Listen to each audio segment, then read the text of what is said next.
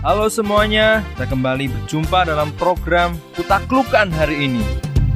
Tabur-tabur, marilah menabur, menabur bila Marah bisa dipicu oleh faktor dari dalam dan dari luar. Faktor dari dalam yang menyebabkan kita marah adalah kesedihan, kekhawatiran, perasaan rendah diri, akar kepahitan, dan hal-hal lain yang membuat kita merasa tertekan.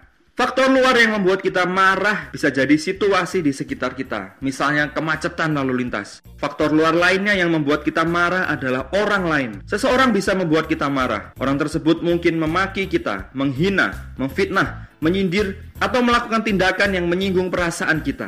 Dalam Matius 5 ayat 22, Tuhan Yesus berkata, Siapa yang marah kepada saudaranya harus dihukum. Siapa yang memaki saudaranya harus dimasukkan ke dalam api yang menyala-nyala. Mungkin ada faktor dari dalam diri kita yang bisa menyebabkan kita marah. Kita tidak boleh marah. Tuhan melarang kita untuk marah karena kita tidak tahu caranya marah dengan benar. Tuhan tahu kalau kita marah hanya bisa mencaci maki dan menghina orang lain, mengatakan orang lain bodoh, tidak punya otak, kampungan, miskin, tidak tahu diri, dan sebagainya. Kita membunuh karakter orang lain.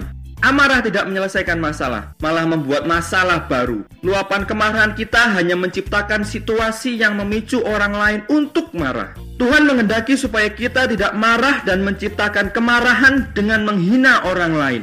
Mari ikuti perintah Tuhan ini. Tuhan Yesus memberkati.